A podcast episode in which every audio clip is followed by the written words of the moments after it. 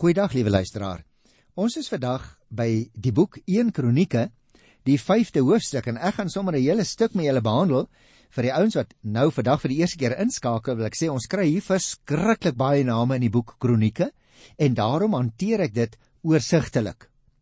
Ek gaan dus vandag doen van die eerste vers van Hoofstuk 5 af tot aan die einde van hoofstuk 8. Dit wil sê 1 Kronieke 8 vers 40. Maar kom ons spring dadelik in die dam of om ons beeld te gebruik om te sê ons is eintlik op so 'n rondtoer in 'n bus, kom ons spring op die bus hier by 'n volgende halte. Ek lees 1 Kronieke hoofstuk 5 by die eerste vers. Ruben was die oudste seun van Israel.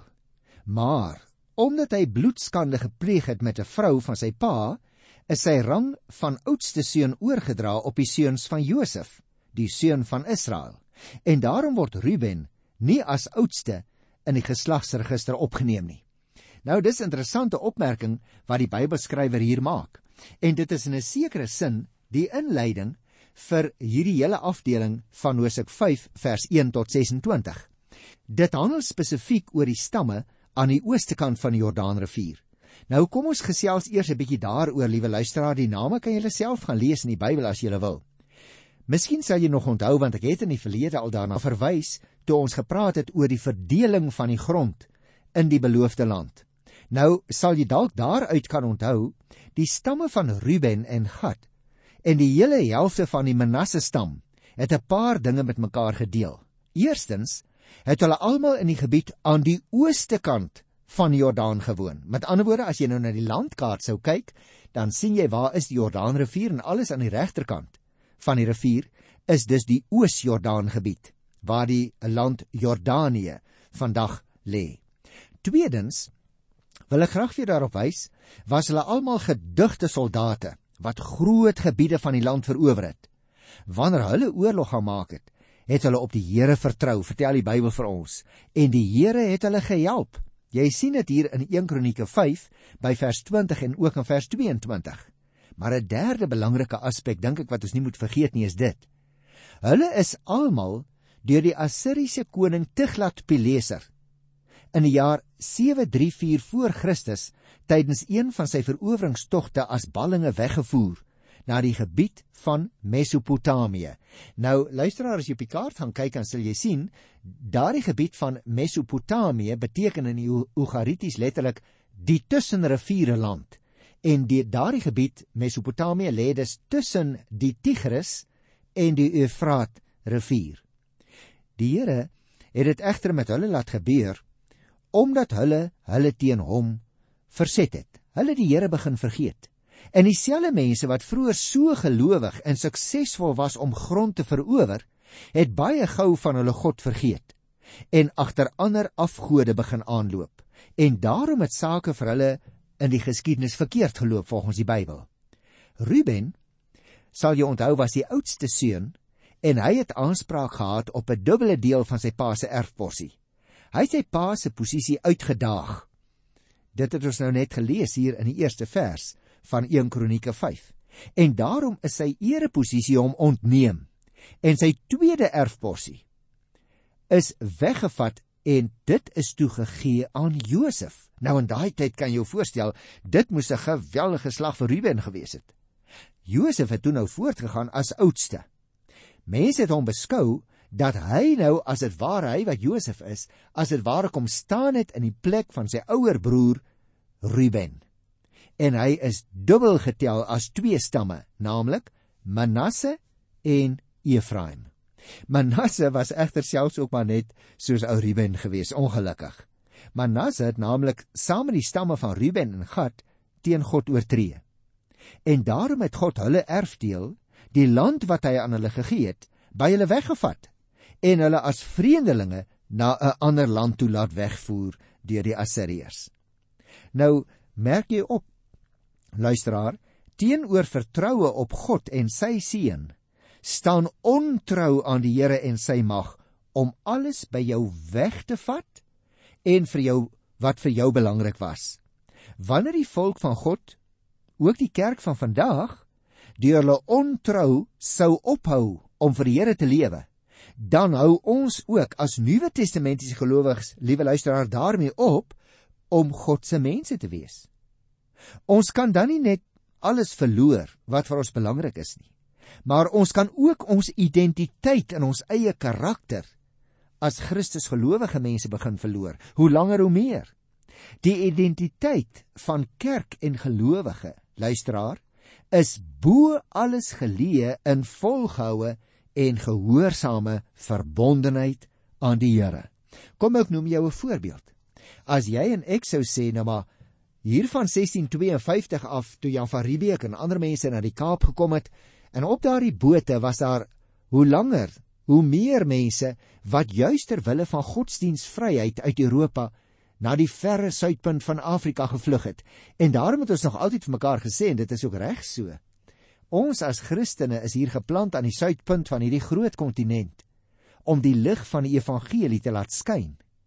Maar het jy nou al ooit daaroor gewonder? As ons nou aan die bedoeling van ons planting ontrou sou word, wat sou die Here verhinder om ons ook geleidelik te laat opgaan in die volkere massa van die wêreld? En tog As ek so rondom my kyk, wie jy dan het ek baie moed, want daar is 'n kerngroep Christene wat nie net 'n naam Christene is hier aan die suidpunt van Afrika nie. Hier is baie toegewyde Christusgelowiges wat as individue en as groepe, as gemeentes byvoorbeeld regtig die uitdra van die evangelie op die hart dra. En dit gee mens moed. As ons nou by die 6ste hoofstuk kom hier in die boek 1 Kronieke, dan kry ons daar 'n lang lys van leviete en aaroniete. Nou moet ons dadelik onthou. In kronieke word baie waarde aan die priesters geheg. Dit was om die waarheid te sê reg van daai tyd dat die tempel tot stand gekom het en selfs in die woestyntyd so met die priesters. Hulle het 'n belangrike rol gespeel. Jy sien, die identiteit van Israel word grootliks bepaal deur die feit dat die priesters so 'n belangrike rol in die volk se bestaan gespeel het van vroeg af. Daarom byvoorbeeld gee Kronieke nog op ander plekke ook baie besonderhede oor aan die priesters wat jy weer kan gaan lees. Byvoorbeeld in 1 Kronieke 9 en Hoofstuk 15 en Hoofstuk 16 en Hoofstuk 23 nog 'n hele klompie ander plekke. Maar in hierdie hoofstuk, naamlik 1 Kronieke 6, word hoofsaaklik aangedui dat die priesters onlosmaaklik deel is van die geheel van Israel. Met ander woorde, jy kan hulle uithaal nie. Hierdie geestelikes vorm 'n belangrike komponent van die samestelling van die ou Israel volk. Hulle is afstammelinge van Levi, een van die 12 seuns van Jakob, né? Ons ken Jakob ook by sy ander naam in die Ou Testament, naamlik Israel, hè. En daarom is die naam van Jakob sy tweede naam eintlik toe die Here vir hom gesê het van nou af sal jou naam nie meer Jakob wees nie, maar jou naam sal nou Israel wees en is Israel 'n volk met 'n spesiale priesterstam in hulle midde wat vir die hele volk instaan by God. Jy kan gerus weer gaan kyk in Numeri 3. Die hele Numeri 3 eintlik vers 1 tot 51 wat ons ook behandel het. Hoe belangrik hulle was in die samestelling van die oud Israelitiese volk. Nou luisteraar, hierdie priesterstam is ook nie geïsoleerd nie maar hulle is werksaam op verskillende terreine in die volkslewe. Byvoorbeeld, uit die nageslag van Levi se seun Kehat, wat ook hier genoem word in die hoofstuk, is daar die afstamming van hoë priesters wat sedert die tyd van Aaron van pa na seun oorgeerf is. Dan is daar ook nog uit die ander seuns van Levi wat hier genoem word, die geslagte van Levitiese priesters. Nou wie was hulle? Hulle was die priesters wat Aaron en sy nakommelinge in die heiligdom bygestaan het. Ons het dit ook geleer in Numeri 3 vers 6. Ook hulle het natuurlik besondere aansien onder die volk geniet. Jy kan maar gaan kyk daar in Deuteronomium 18, die eerste 8 verse wat ons behandel het, hoe belangrik hulle rol ook was onder hulle volksgenote. En dan was daar ook nog onder die priestergeslag die leviete wat in die erediens en dan veral in die sang En nou word hier van hulle gesê as amptenare by die tempel 'n baie belangrike rol gespeel het. Van hulle is byvoorbeeld verskillende psalms in die Bybel afkomstig. Gaan kyk maar Psalms 44 tot 49, Psalm 84, 85, 88 en Psalm 89 het hulle oorsprong by hierdie leviete wat dan amptenare of dienswerkers was in die tempel. Die leviete moet ons onthou, hulle mag nie grond besit het nie. En hulle moes in verskillende stede tussen die ander stamme van Israel as dit ware verspreid woon. Dan staan daar soos blyk uit die lys van levitiese stede waarmee nou weer verwys word na Numeri 35 en Joshua 21. Kom ek sê dit andersom. Op hierdie manier, liewe luisteraar, was die hele volk deur die kinders van Levi deur verskillende vorms van diens by die heiligdom verteenwoordig. Hulle was dus as dit ware mense wat aan die Here se diens voltyds gewy is. As jy uit 'n Lewietse geslag gebore is, dan moet jy weet jy gaan heel waarskynlik in Ou Testamentiese tyd of in die tempel werk of dienswerk lewer tussen jou volksgenote, maar jy sal altyd geëerbiedig word in daardie tyd as 'n leviet want jy is aan die Here afgesonder. Maar nou moet ons natuurlik dadelik onthou, God se diens is ook oral onder al die stamme van die leviete voortgesit. So kon Israel dan geken word as 'n volk by wie die Here daagliks en op 'n vaste basis gedien word, want die leviete herinner altyd hulle volksgenote daaraan dat hulle Here moet dien. Nou natuurlik, in sulke volgehoue dienswerk sien die skrywer van die boek Kronieke juis die kenmerke van 'n godsvolk. Ons as Nuwe Testamentiese gelowiges, wat leer ons daaruit? Die kerk van die Here, liewe luisteraar, moet elke dag herken kan word. En een van daardie kentekens van die kerk van die Here Jesus Christus in die wêreld is die volgehoue diens aan die Here. Ek sou 'n persoonlike vraag wou vra.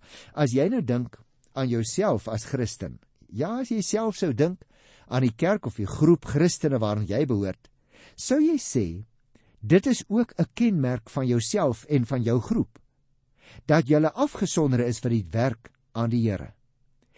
sien die mense met wie jy en jou groepgenote in aanraking kom, sien hulle in jou en in julle dat julle deel is van die huisgesin van God waaraan ons behoort.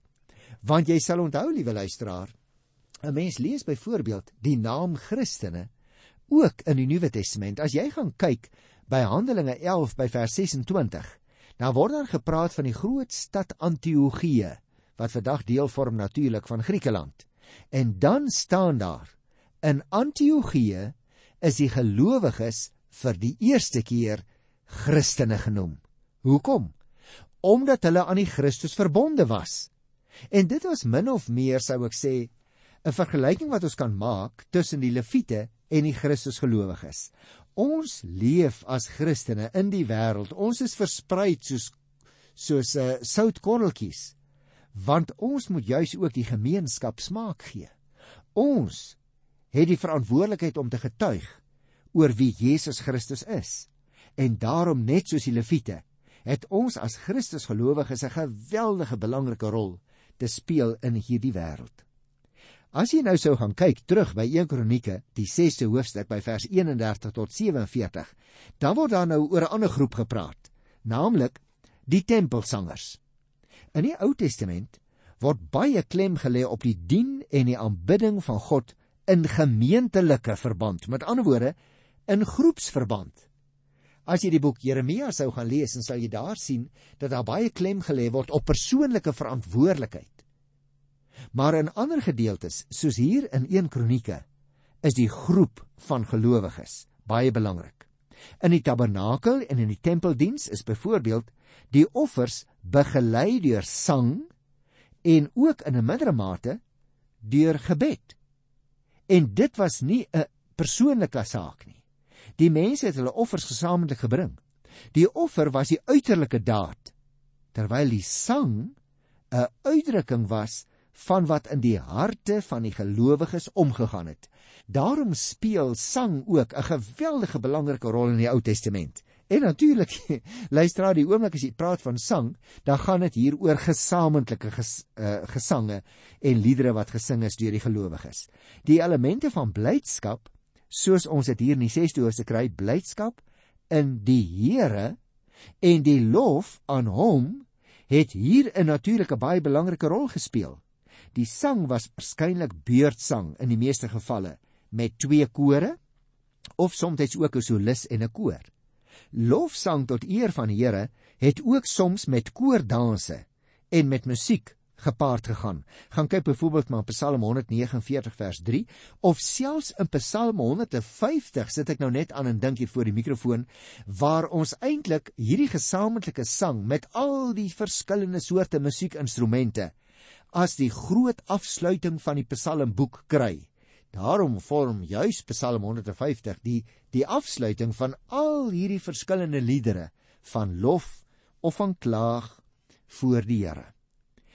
Jy sal ook nog onthou luisteraar, nadat die ark in die tent wat daarvoor daar bestem het en later ook in die tempel van Salomo geplaas is, was dit nie meer vir die leviete nodig om as draers van die ark op te tree nie.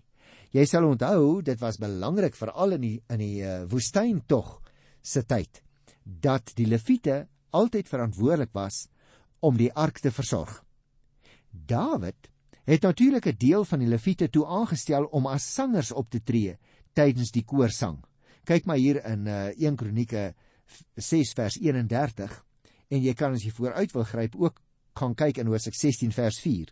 En so liewe luisteraar, so het Dawid, die groot staatsman van Oud-Israel, 'n belangrike rol gespeel in die liturgiese inkleding van die erediens juis by die heiligdom. Maar nou kom daar 'n ander aspek na vore Hoe sukses van vers 48 tot by vers 53 lees ons heelwat van die geslag van Aaron. Die amptgenote waarvan daar gepraat word, is dus al daardie leviete wat nie tempelsangers of priesters was nie. En die taak van die leviete word in Numeri 3 vers 5 tot 9 baie nader omskrywe. Daar is op twee altare geoffer, naamlik die brandofferaltaar en die wierookaltaar. En dit sluit natuurlik aan ook alreeds by Moses se reëling wat hy getref het in Numeri 8.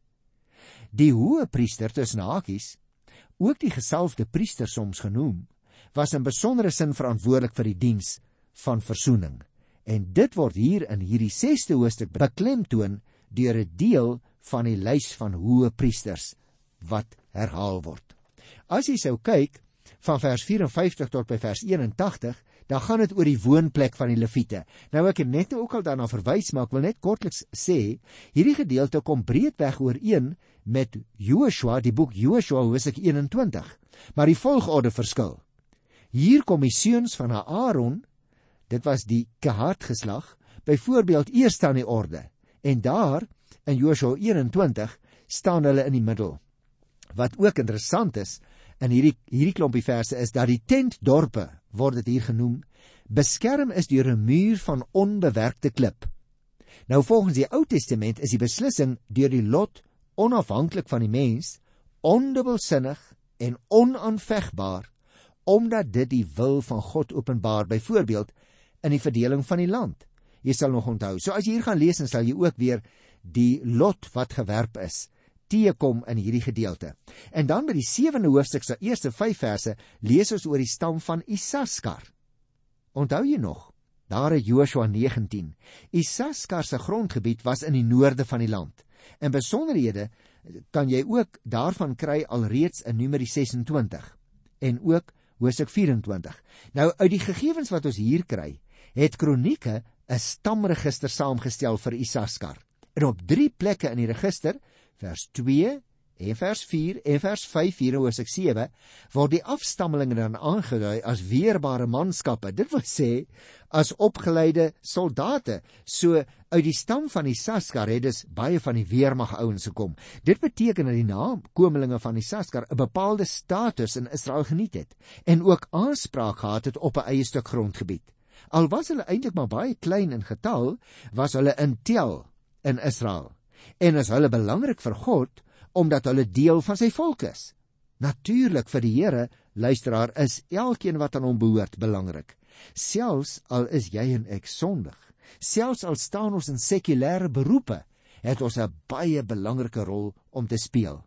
Dan kom hier 'n ander belangrike groep aan die orde in Hosea 7 vers 14 tot 29, naamlik die sogenaamde Josef stamme.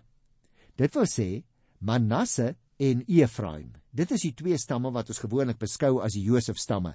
En hierdie gedeelte vorm ook 'n hegte eenheid. Miskien sal jy nog onthou Toe Ruben sy eersgeboortereg verbeur het, Hosea 5 vers 1 het ook daarna verwys, en ook sy aanspraak op 'n dubbele erfporsie moes prys gee, is die dubbele erfporsie van die oudste seun op Josef se twee seuns oorgedra. En hulle twee selfstandige stamme van Israel geword, naamlik die stam van Manasse en die stam van Efraim.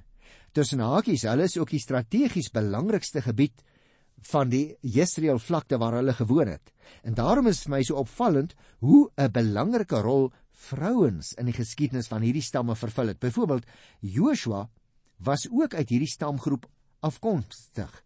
So as 'n mens dus na hulle kyk, dan merk jy op hoe dat die Here ook mense se ontrou verbygegaan het soms, maar hulle steeds 'n belangrike rol gegee het. Ek wil afsluit met die 8ste hoofstuk en 'n paar algemene breë opmerkings maak.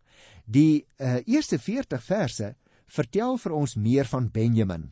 En dis juis in aansluiting by die register hoofstuk 7 by vers 6 word hier nou nog 'n register van die nageslag van Benjamin gegee. Behalwe 'n paar opmerklike verskille van die eerste, is die kenmerk van hierdie register dat dit veral die latere nakommelinge van Benjamin hier vir ons uitlig.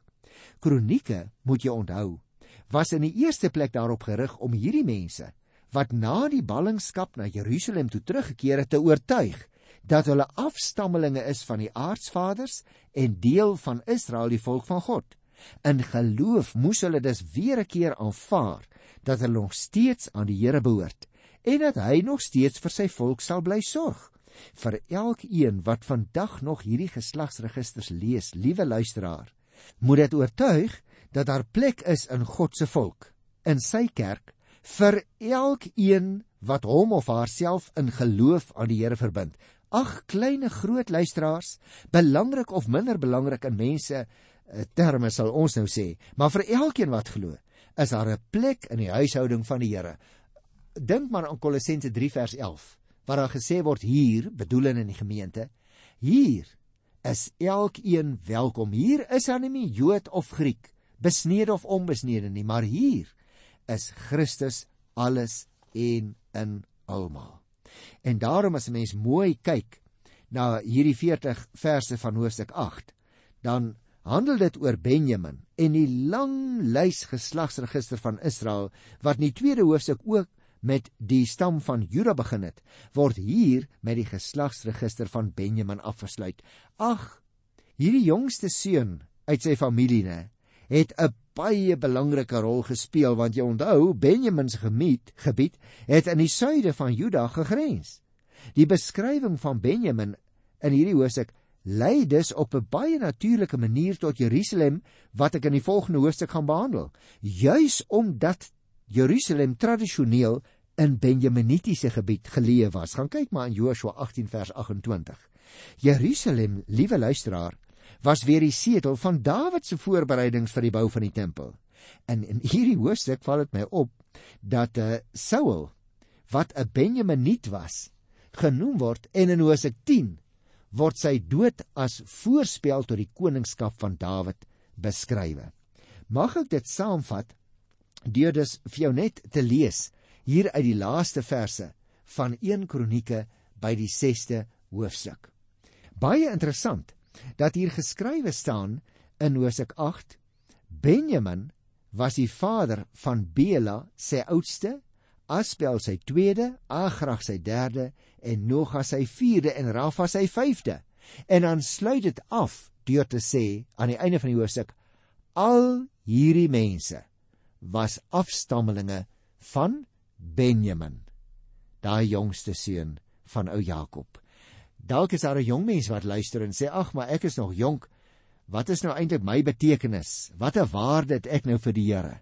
Dan wil ek vir jou sê jy is verskriklik belangrik vir die Here. Want al is jy miskien selfs die jongste uit jou gesin, by die Here maak ouderdom nooit regtig saak nie. Jy behoort of aan die Here of jy behoort nie aan die Here nie. En nou mag jy vra broer Johan, hoe behoort 'n mens te hoe behoort 'n mens aan die Here? Hoe kom jy daartoe? Die antwoord is baie kortliks. Glo in Jesus Christus en jy is deel van die nuwe godsvolk van Israel in hierdie wêreld.